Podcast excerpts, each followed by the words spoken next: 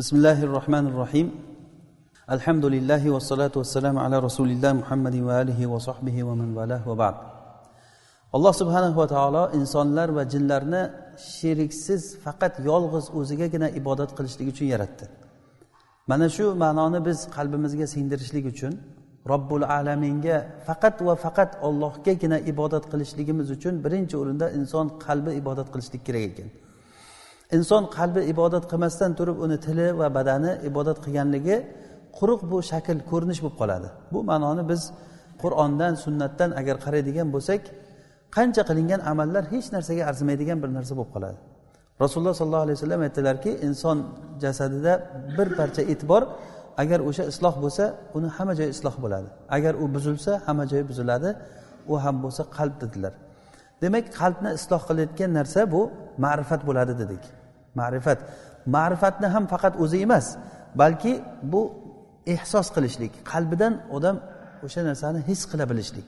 Masalan buni misoliga masalan ne'matdan ajralgan odamlarni misol qilishimiz mumkin. Ko'zidan ajralib qolgan odam ko'z ne'matini his qiladi. Yoshligi ketib qolgan qari odamlar yoshlikni ne'matini his qiladi. Uni yoshlar bilmaydi farqiga bormaydi. Yengil yurib chopib o'ynab yurgan paytlarini yoshi katta bo'lib qolgan odamlar bu narsani his qiladi. Yoki kasal bo'lib qolgan odam masalan alloh taolo ofiyat bersin kasal bo'lib qolgan odam sog'likni qadrini keyin biladi. O'sha paytda his qiladi. Masalan sog'likni qadrini hozir hammamiz bilamiz. Ko'p odam biladi sog'lik yaxshi narsa deydi lekin uni yuragidan his qilmaydi. Uni qachon his qiladi o'sha narsadan ajralib qolsa. Mo'min kishi mo'min kishi ma'rifatni his qilib turib qalbidan alloh taologa ibodatni his qilishlik kerak. Eng muhim narsa shu. Biz o'tgan darsimizda aytdikki alloh taoloni ismlariga ikki xil ibodat qilinadi. Duaul masala alloh taoloni ismlari bilan ollohdan so'ralinadi. Ikkinchisi duaul ibada bu asl bu asosiysi mana shu. Ollohni ismlari bilan ollohga ibodat qilinadi. Mana shuni o'rganayotgandik shunga misollar keltirib bunda ko'proq nafas olib turib mana shunda bir o'rganishimiz kerak. Bu biz mavzumiz alloh subhanahu va taoloni ismlaridan malik va malik va malik uchta ismini o'rganayotgandik. Alloh taoloni hamma ismlari go'zal ism ismlar. Lekin ba'zi ismlari borki alloh taoloni mana shu malik ismiga o'xshagan ismlari rububiyat ma'nosidan juda ko'p ma'nolarni o'z ichiga oladi. Juda ko'p ma'nolarni o'z ichiga oladi. Hattoki alloh subhanava taolo podshoh bo'lgandan keyin yolg'iz o'zi bo'lmasa bo'lmaydi. Buni lozimidan haqiqiy podshoh bitta bo'ladi. Haqiqiy podshoh kuchli bo'ladi. Haqiqiy podshoh quvvat egasi bo'ladi. Haqiqiy podshoh izzat egasi bo'ladi. Ehson bo'lishi kerak adolat bo'lishi kerak qayyumiyat bo'lishi kerak jabarut kibriya mana bu sifatlarni hammasini malik ismi o'z ichiga oladi. Alloh taoloni bu ism nihoyat darajada ko'p ma'nolarga dalolat qiladi. Xo'sh biz qalbimiz bilan alloh taologa mana shu aynan malik ismi bilan qanday ibodat qilamiz? Shuni o'rganayotgandik. Malik ismi bilan inson qanday ibodat qiladi allohga? O'zi insonda har bir odamda shunday narsa borki xuddiki masalan bir suvni bir joyga bir quysangiz masalan bir joydan suv kelib quyilib tursa o'sha joy suvga to'lgandan keyin qayerdandir oqib chiqadi. Oldin yopolmaysiz uni. Agar devorni balandroq qilsangiz agar yana kunlardan bir kun suv toshib turib oshib chiqib ketaveradi yana balandroq qilsangiz yana oshib chiqib turaveradi. Nimadir qilish kerak? Uni suvni bir tomonga qarab yo'naltirish kerak. Kerakli joyga qarab turib yo'naltirish kerak. Buni nimaga misol qilyapman? Inson qalbi xuddi shunday narsa. Inson qalbi muhtoj insonni qalbi intiluvchan. U energiyani u toqatni qalbdagi energiyani agar bir tomonga qarab yo'naltirmasa inson boshqaga qarab yo'nalib ketib qoladi. Buni birdan bir ollohni eshigiga qarab to'g'irlab qo'yish kerak. Buni misoliga alloh subhanava taolo bir zarbul masal qilib oyatda aytdiki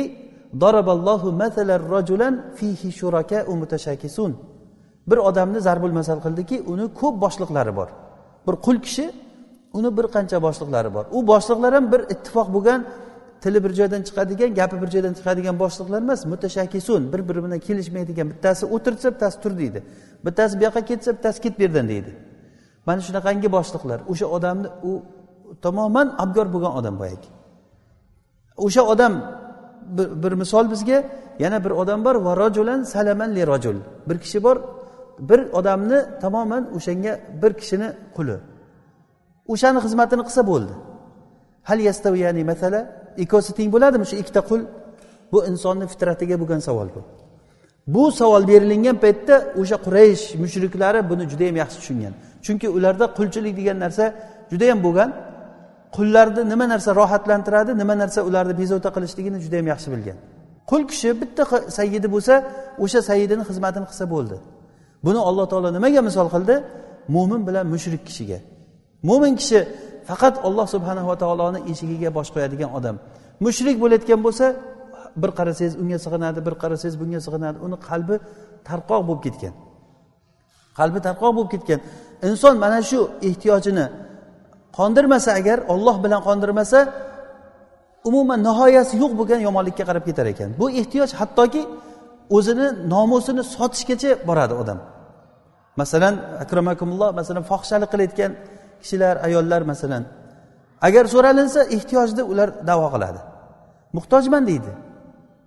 Fohishalik qilyapti o'sha ehtiyojini shu bilan shu tomon bilan ehtiyojimni qondiryapman men. Muhtojman deydi. Buni faqatgina shahvatdan qilganim yo'q men deydi. O'zi e, qarang shunchalik darajada inson qalbidagi ehtiyoj o'zini erzini o'zini nomusini sotishgacha olib kelinyapti. Bundan tashqarida endi boshqa narsa nima deyish mumkin? Ehtiyoj arzimagan pul uchun o'zini do'stlarini sotayotgan odamlar bor. Arzimagan pul uchun. Arzimagan narsa uchun o'sha umuman tamom hamma narsadan voz kechadi. Otasidan onasidan hamma narsadan voz kechadigan hatto dinidan voz kechyapti odamlar. Bilib turadi o'sha narsani haqligi mana yahudlar voz kechdi. Pulga ozgina pul uchun ollohni oyatlarini sotmanglar dedi alloh taolo. Ular bilib turgan haqni bilib turib turib odamlardan manfaat kelib turganligi uchun shu manfaatni evaziga ular haqni shunga almashtirishgan. Bu nimadan kelib chiqyapti? Qalbdagi ollohni malik degan sifatiga ibodat qilmaganligi uchun. Buni ozroq to'xtab tafakkur qilishligimiz kerak. Tafakkurga muhtoj bo'layotgan narsa bu. Shu tafakkur qilib o'ylasak agar o'shanda bizga bu ehsos ya'ni shu narsani sezish paydo bo'ladi. Ana o'sha iymonga aylanadi keyin. Ana o'sha narsa foydali ilm bo'ladi. Bundan tashqarisi quruq gap bo'lib qoladi. Bu qulog'imizdan kirib bu qulog'imizdan chiqib ketaveradi. Bu narsani ozroq o'ylanilsa agar biz faqat bir ba'zi bir misollar keltiramiz. Lekin o'ylasangiz sizni qalbingizda podshoh kim? Olloh podshoh bo'layotgan bo'lsa bu faqat kalommi tilingizdan chiqadigan yoki bu e'tiqod iymonmi bu? Agar bu iymon bo'layotgan bo'lsa buni qanday bilamiz? Qanday bilinadi? Qalbingiz ollohga podshoh deb bilganligini. Masalan buni bitta misoli agarda ollohni haqiqiy podshoh deb tan olsangiz sizni qo'lingizdan olib qo'yilgan narsaga siz xafa bo'lmasligingiz kerak. Va qo'lingizga berilingan narsaga siz faxrlanmasligingiz kerak. Nima uchun? Chunki siz nima deyapsiz? Buni podshoh berdi podshoh o'zinikini oldi. Masalan siz o'tib ketayotganingizda ikkita odam janjallashib turgan bo'lsa. Nima uchun janjallashyapsizlar desa mana uga men omonatimni beruvdim ushlab turgin deb endi ber desam bermayman deb janjal qilyapti desa nima deysiz siz o'rtaga tushib? Bu narsa senikimi bunikimi desa ha buniki edi. Nimaga bermayapsan desa yo'q bergim kelmayapti shuni menda tursin shu deb janjallashayotgan bo'lsa bu aqlli odam demaysizda uni. Sen esing bormi seni ber buni narsasini deysiz. Insoni ham olloh bergan narsasini bir kun kelib olsa sizga farzand beradimi sizga boshqa bir ne'mat beradimi o'sha ne'matini olishi aniq uni. Albatta oladi alloh taolo olaman degan uni. Va olyapti atrofdan ko'rib turibmiz bu narsani olayotganligini. Kim moli dunyosi bilan olib borib qabrga ko'milinyapti? Kim hamma butun mulki bilan ketyapti? Oxiratga qarab. Qanday dunyoga kelgan bo'lsa xuddi shunday qaytib ketyapti. Yalang'och bo'lib turib shunday onadan qanday tug'ilgan bo'lsa xuddi o'shanday qaytib ketyapti orqaga bu narsa ozroq tafakkur qilsak bizni aqlimiz ochiladi. Demak bizni qalbimizda ollohni malik deb ibodat qilishlikni asarlaridan biri buni isbotlaridan biri sizga berilingan narsaga siz faxrlanmang sizdan olib qo'yilgan narsaga siz jazavaga tushmang. Agar kimda kim shunday jazavaga tushdimi demak uni qalbida molik podshoh olloh emas uni yoki yuz foiz emas. Masalan bu narsa o'zi shirkni eshigi bu. Agar qalbda olloh podshoh degan narsa mustahkam o'rnashsa hech qachon odam kibrlanmaydi. Chunki u biladiki unga berilingan narsa nima? Omonat bu. Inson qo'lidagi narsalar hammasi omonat. Farzand bo'ladimi moli dunyo bo'ladimi mulk bo'ladimi boshqaruv bo'ladimi mansab bo'ladimi bu narsa omonat. Ertaga olib qo'yiladigan narsa.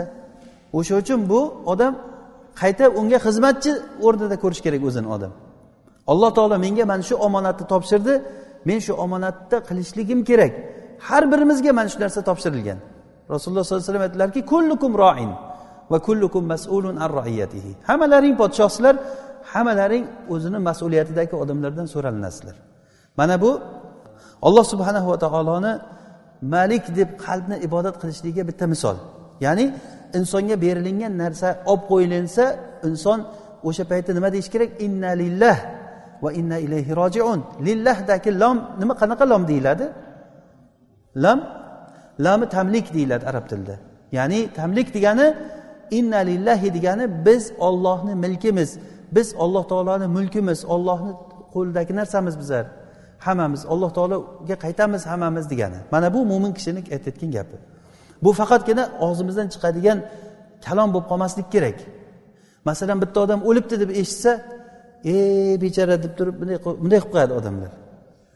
O'libdimi? deydi. U bunday qilganini xayolida ham nima bunday qildi o'zi ham bilmaydi. Mana shu holat bu o'rganishib qolgan bo'lgan narsa. Bir duo qilib yuboring desa omin allohu akbar deydi yana gapini davom ettirib ketaveradi. U qalbida nima o'tdi erda? yerda ollohga qalb ibodat qilishligi mana shu to'xtalish kerak o'sha joyda. Ollohga masalan siz namoz boshlagan paytda ollohu akbar. Masalan rasululloh sollallohu alayhi vasallam namozlarini boshlaganda duaul istiftah inshaalloh bugun shu zikrni vaqtimiz qolsa o'qib beramiz. O'shanda rasululloh sollallohu alayhi vasallam boshlagan paytda ey ollohim o'zing podshohsan deb boshlaganlar. O'zing podshohsan deb. Namoz boshlanganda. Va namoz tugagandan keyin ham xuddi shu zikrni qildilar. La ilaha illalloh vahdahu la sharikala bu vahdaniyat. Yolg'iz o'zi degani. Lahul mulk va lahul hamd. Namoz tugagandan keyin lahul mulk. Mulk ollohniki hamd ollohniki hamma maqtov ollohga xos. Va hu ala kulli shayin qodir. U har narsaga qodir. Bu nima ma'noni beradi? Va hu ala kulli shayin qodir? Malik tasarruf qiladi. Ya'ni lahul mulk bu malik degani. Mulk uniki. Bu malik ma'nosi va ala kulli shayin qodirchi? Bu malik ya'ni tasarruf butun boshqaruv uni qo'lidagi zot narsa. Namoz tugagandan keyin allohimma la mani alima atayt. Ey ollohim sen bergan narsani man qiluvchi yo'q. Mana bu narsa rasululloh sollallohu alayhi vasallam namozdan keyin ham namozni boshida ham aytyaptilar. Ey ollohim seni bergan narsangni oluvchi yo'q. Allohimma la mani alima atayt va la mu'tiya lima manat. Sen man qilgan narsani hech kim berolmaydi. Mana shu ma'no agar bizga singsa qalb o'shanda ollohni malik deb ibodat qilgan bo'ladi. Bu faqat tildan chiqayotgan namozdan keyin ko'pchilik aytadi bu duoni. Lekin kim shuni ehsos qilib turib shuni qalbidan his qilib turib aytadi men podshoh bilan gaplashyapman haqiqiy podshohni oldida turibman men. Agar u bersa hech kim ololmaydi agar u olib qo'ysa hech kim berolmaydi deb kim shuni o'ylay oladi? Amr ibn abid degan bir e, kishi o'tgan tarixda. Tolib ilmlar biladi. Mo'tazil mo'taziliylarni kattasi bo'lgan odam. Hasan al basriyni davrida. Vosil ibn atoni shogird e, keyin vosil ibn atoga shogird bo'lib aynib ketgan. Hasan al basriyni shogirdlaridan bo'lgan asli o'zi ular. Hasan al basriy o'sha odamni ko'rgan paytda aytgan basrada mana shu bola e, basra yigitlarini sayyidi bo'ladi agar bidatchi bo'lib ketmasa degan ekan. Lekin bidatchi bo'lib ketgan aytganlaridek ayub suxtiyaniyni ko'rgan paytda hasan al basriy aytgan hasan al basriyda shunaqangi bir farosat bo'lgan. Hatto u kishini gaplarini hasan al basriyni gaplari gapirgan paytda nubuvvatni hidi keladi deyilgan. Shuning uchun ham ko'pchilik odamlar hasan al basriyni gapini hadisga aralashtirib yuboradi. Ya'ni kalomi xuddi nubuvvatni kalomiga o'xshab ketadi gaplaridan. Ko'pchilik hadislar hadis deb aytilinadi hadis emas o'zi hasan al basriyni gapi bo'ladi bu. Shu kishi aytganlar ayub suxtiyoniyni ko'rib mana shu bola inshaalloh basra ahlini sayyidi bo'ladi deganlar. Aytganday bo'lgan. Ammo amr ibn abidni ko'rgan paytda aytganki bu odam bu bola basrani sayyidiku yigit basra yigitlarini sayyidi lekin bidatchi bo'lib ketmasa degan ekanlar. Aytganlaridek bidatchi bo'lib ketgan. Bo'lib ham mo'tazillarni imomlaridan bo'lgan. Qisqasi o'sha odam bu xalifa abu jafar al mansur ko'p hurmat qilgan juda zohid odam bo'lgan ekan. O'zi zohid odam. Hatto o'sha abu jafarni gaplari ham bor. Hamma odam menga sekin sekin keladi. Lekin kelishdan maqsadi mendan bir narsa undirish uchun keladi. Illo amr ibn abid uchun kelmaydi u zohid odam u. Hattoki oldiga kirgan paytlarida ey shayx menga va'z qiling deb turib undan va'zlar eshitgan paytlari bo'lgan.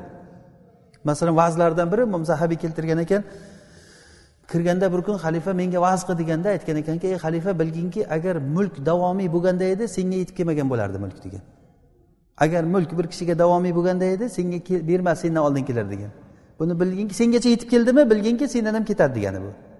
Chunki agar davomiy bo'lganda undan oldingi podshohlar bor edi mulk boshqani qo'lida edi bunaqangi ajoyib gaplari ham bo'lgan u odamni. Lekin shu bilan birga ollohni sifatlari borasida eng johil odam bo'lgan.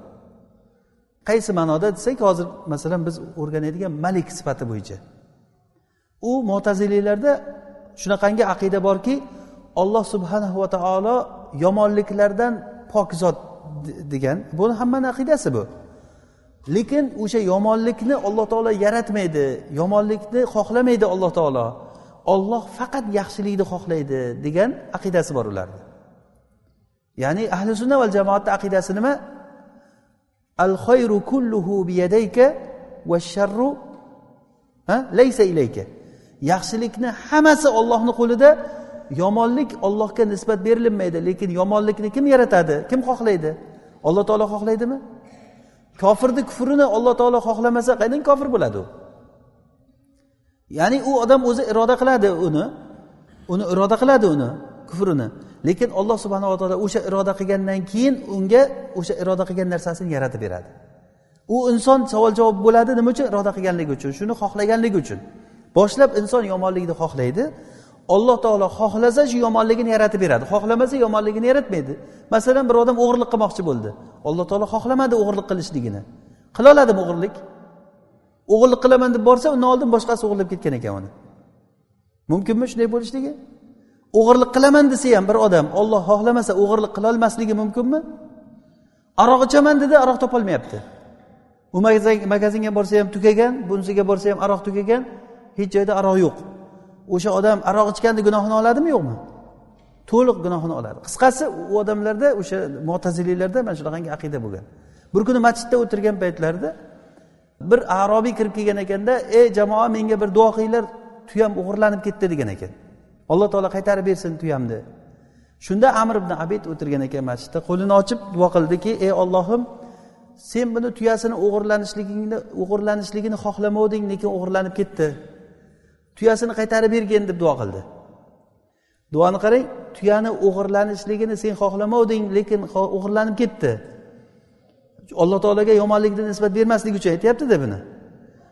Tuyasini qaytarib bergin deganda haligi arobiy aytgan ekanki kerak emas bu duoing menga duo qilmamday degan ekan. Nimaga unday deyapsan deganda alloh taolo xohlamasa ham o'g'irlanib ketibdimi? Endi qaytarishligini xohlasa ham qaytmay qolishi mumkin ekan bo'lmasa degan. Bu fitrat bu insondagi fitrat. Ya'ni o'sha arobiy tushungan narsani shunday katta bo'lib turib imomman degan odam xalifaga va'z qilib yuradigan odam tushunmadi shu ma'noni. Ya'ni bu allohimma la mani alima a'tayta va la mu'tiya lima mana'ta degan rasululloh sollallohu alayhi vasallamni duolarini bu ma'nosi shu. Ey ollohim o'zing bergan narsani man qiluvchi yo'q. Alloh taolo o'zi bersa masalan sizga alloh taolo bir ne'matni berishlikni taqdir qildi. Ha? Ne'matni bersa odamlar shuni bermasin desa kimni aytgani bo'ladi? Insonni aytgani bo'ladimi? Ollohni aytgani bo'ladimi? Ollohni aytgani bo'ladi. Alloh taolo bir narsani ne'matni sizga bermoqchi emas bermaydi xohlamadi. Butun insoniyat xohlasa shu ne'matni sizga berishlikka olib kelaladimi shu ne'matni? Olib kelolmaydimi? Olib kelolmaydi. Mana bu narsa faqat bizni faqatgina tilimizdan chiqadigan gap emas bu qalbimizga iymon bo'lib o'rnashishi kerak shu narsa. Mana shunda biz olloh subhanava taoloni malik ismi bilan alloh taologa ibodat qilgan bo'lamiz allohga malik ismi bilan ibodat qilishlik mana shu ma'nolarni o'z ichiga oladi bu bir misollardan bir misol rasululloh sollallohu alayhi vasallam namozni boshlagan paytlaridagi duaul istiftah deb o'qigan duolari وجهت وجهي للذي فطر السماوات والأرض حنيفا وما أنا من المشركين إن صلاتي ونسكي ومحياي ومماتي لله رب العالمين لا شريك له وبذلك أمرت وأنا أول المسلمين اللهم أنت الملك لا إله إلا أنت hozir bu uzun duo mana shu rasululloh sollallohu alayhi vasallamni zikrlariga agar e'tibor beriladigan bo'lsa hammasi mana shu ma'nodan chiqib ketmaydi yo ollohni ochiq malik ekanligini aytilinadi yoki bo'lmasa shu malikni sifatlaridan bir sifat aytilinadi Masalan uni yolg'iz ekanligi. Masalan ko'pincha milkni oldidan ollohni podshohligini oldida vahdoniyatga dalolat qiladigan e, bir sifatlar o'tadi. Va hozirgi aytganimizda ham la ilaha illa ant. Sendan boshqa iloh yo'q antal malik. Sen o'zing podshohsan deyapti. Sen o'zing podshohsan. Antal malik la ilaha illa ant. Anta robbi va ana abduk. Sen meni robbimsan men seni qulingman namoz boshlashdan oldingi bu narsa. Namoz boshlagan paytda kimni xayoliga keladi mana shu ma'no? Agar namoz boshlangan paytda men seni qulingman sen meni robbimsan men seni qulingman degan ma'no agar qalbga mahkam o'rnashsa namozimiz boshqacharoq o'qiladi. O'shanda bu tezroq bitsin namoz. Nima bo'lsa ham tezroq bitsin yoki qorini ovozini chiroyliligi bu narsaga odam e'tibor bermaydi o'shanda. Ollohni oldida turganligini agar odam ehsos qilsa shu narsani qalbidan sezsa. Zolamtu nafsi va ataroftu zambi. Ey ollohim men o'zimga o'zim zulm qildim. Ya'ni inson o'ziga o'zi zulm qilganligini e'tirof etishlik va ataroftu zambi men gunohimga tan oldim. Inson o'zimga o'zim zulm qildim deb turib namoz boshlagan paytda mana shu narsa ollohni malik ismiga ibodat qilish degani. Chunki ollohni malikligi alloh taoloni sizga rob ekanligi hammamizga rob rob ya'ni bizni hamma ishimizni alloh taolo qilib beryapti. Lekin banda tarafidan ollohga qaytadigan narsaga agar bir solishtirib qarasak inson zolim ekanligi chiqadi. U shart emas bitta bir odamni urib burnini qonatib kelib turib zolamtu nafsi degan deyishligi shart emas. Inson o'zini holatini agar yaxshi tushunsa o'zini zolim ekanligini biladi. Turgan turishingizda hozir zolim bo'lib turgan bo'lasiz. Nima uchun? Chunki ollohni haqqini to'liq ado qilolmagansiz. Alloh taolo qancha ne'matlar berdi sizga? Lekin o'sha bergan ne'matlariga sizdan alloh taologa nima qaytyapti? Shuning uchun ham ba'zi bir farishtalar borki yaratilgandan beri sajdada boshini ko'tarmas ekan. Allohga tasbeh aytar ekanda ey ollohim senga haqiqiy ibodat qilolmayapmiz deydi. Yaratilgan ular hech narsaga muhtoj emas ular boshqa. Ovqat yemaydi ular ular suv ichmaydi yoki nikohga kiyimga boshqa narsaga inson lazzatlanayotgan uxlashlik va boshqa rohat uy to'shak bunaqa buyumlarga hech narsaga muhtoj emas ular. Ular yaratilgandan beri alloh taologa tasbeh aytadi.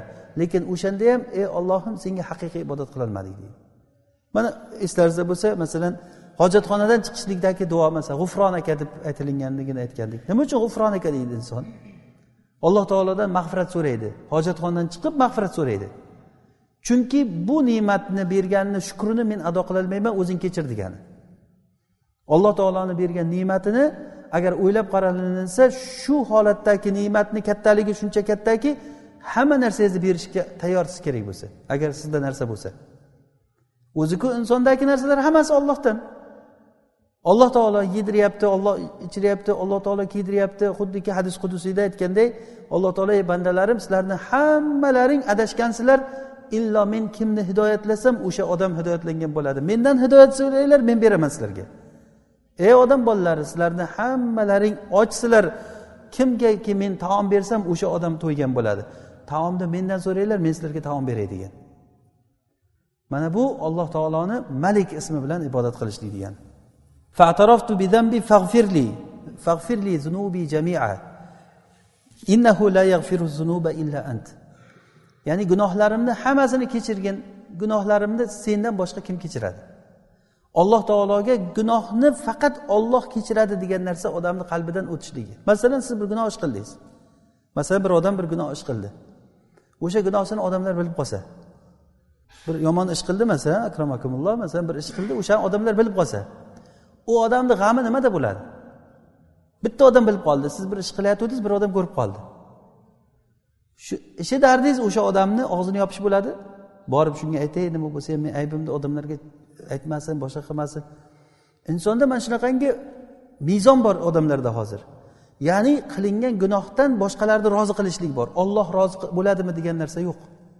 Hattoki masalan eng katta gunohlardan zino bo'layotgan bo'lsa qonunlarga kirgizilinganki agarda xotin eriga xiyonat qilsa shu eri rozi bo'lsa bo'ldi deyiladi. Qonunda bu. Eri rozi bo'lsa bo'ldi unga hech qanaqangi jazo yo'q. Lekin mo'min kishi bunaqangi mezon bilan qaramaydi. Mo'min kishini tarozusi gunohimni faqat kechiruvchi kim? Gunohlarni kechiruvchi faqatgina olloh agar o'zing kechirmaydigan bo'lsang men gunohimni men nima qilaman degani. Ana o'shanday bir tushuncha bilan ibodat qilinsa agar gunoh ish qilinsa agar o'sha gunohni ollohdan boshqa hech kim kechirmaydi. Ollohdan boshqa sizni mag'firat ham qilmaydi hech kim. Odamlarga agar rozi qilaman deydigan bo'linsa odamlar faqat sizni ustingizdan kulishdan boshqa narsaga bormaydi. Vahdini li ahsanil axloqi la yahdi li ahsaniha illa ant. Xulqlarni eng go'zaliga meni hidoyat qilgin. Go'zal xulqlarga sendan boshqa hech kim hidoyat qilmaydi. Bu ma'noni ham agar tushunib aytilinsa xulqlarni go'zaliga meni hidoyat qilgin deyapti. Xulqni yaxshiligi insondagi qalbida bo'layotgan xulq bo'ladi. Odam o'zida masalan ehson bo'lmasdan turib ham birovni rozi qilishligi uchun o'zini yaxshi ko'rsatishligi mumkin bu xulq emas bu. Lekin go'zal xulq degani inson o'zi qalbidan shu narsani insonga bir xulq bo'lib turib sifat bo'lib turib insonda paydo bo'ladi bu. Buni olloh paydo qiladi. Eng yaxshi xulqlarni menda paydo qilgin bunda sendan boshqa hech kim bu narsani qilmaydi. Vasrif anna sayyiaha la yasrifu sayyiaha illa ant. Labbayka va sa'dayka val khayru kulluhu fi yadayka va sharru laysa ilayk ya'ni yomon xulqlarni mendan chetlatgin. Yomon xulqlardan faqat o'zing qutqarmasang men qutulolmayman. Demak insondagi yaxshi xulq kimdan ekan? Ollohdan yomon xulqchi? Ollohdan buni faqat biz ollohdan so'rashligimiz kerak. Hattoki bu xulqlar ham ollohdan biz hozirgacha mulkda ko'proq biz moddiy narsalar haqida gapirdik. Bizni qo'limizdagi narsalar hammasi ollohniki deb tushundik. Lekin ma'naviy narsalar ham hattoki mana shu xulqlar ham yaxshisi ham ollohdan yomoni ham ollohdan labbayka va sadayk ey ollohim senga labbay xizmatingga tayyorman. Nima buyruq bersang men labbay xizmatingga tayyorman. Yaxshilikni hammasi seni qo'lingda yomonlik senga emas. Yaxshilikni hammasi ollohni qo'lida. Mana bu mo'min kishini aqidasi bu.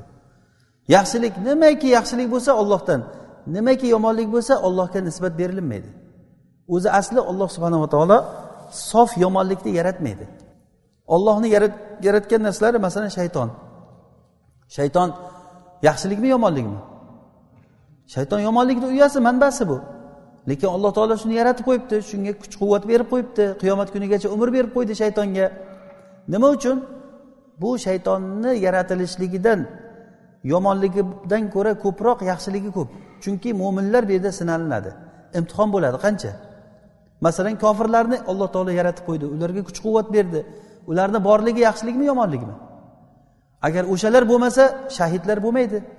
O'shalar bo'lmasa eng yaxshi amallar bo'lgan olloh yo'lida yaxshi ko'rish olloh yo'lida yomon ko'rish degan narsa bo'lmaydi. Kimni yomon ko'rasiz agar ular bo'lmasa? Ya'ni eng iymonni cho'qqilaridan amallaridan bu. Olloh uchun yaxshi ko'rishlik va olloh uchun g'azab qilishlik. Demak alloh taolo yomonlikni yaratmaydi. Har bir narsa yaxshilik bo'ladi. Va yana biz bir narsani bilishligimiz kerakki bu alloh taoloni malik ismi bilan ibodat qilishlikni asarlaridan biri.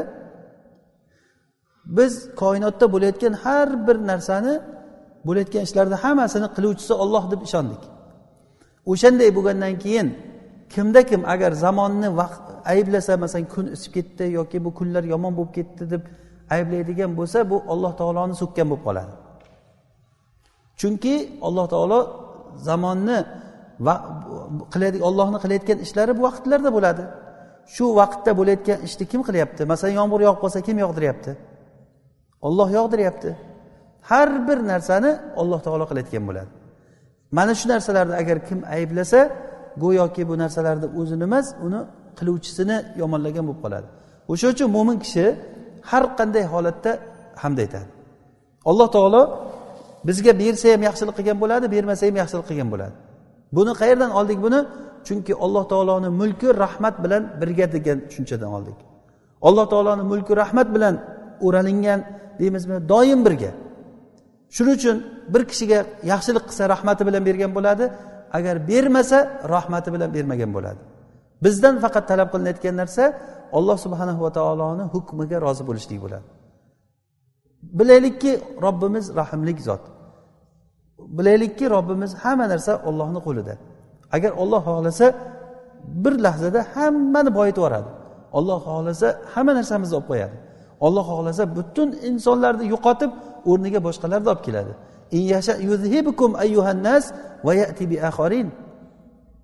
Agar olloh xohlasa hammani ketkazib o'rniga boshqalarni olib keladi. Inshaalloh bu suhbatimiz hali davomi bor. Alloh taolo bizni hammamizni mana shu foydali ilmlarni o'rgatsin. Alloh taolo o'rgangan ilmlarimizga alloh taolo amal qilishlikka tavfiq bersin. Darslarimizga alloh taolo baraka bersin. Inshaalloh davomiy qilsin. Alloh taolo. Subhanakallohumma bihamdik. Nashhadu an la ilaha illa ant. Nastag'firuka va natubu ilayk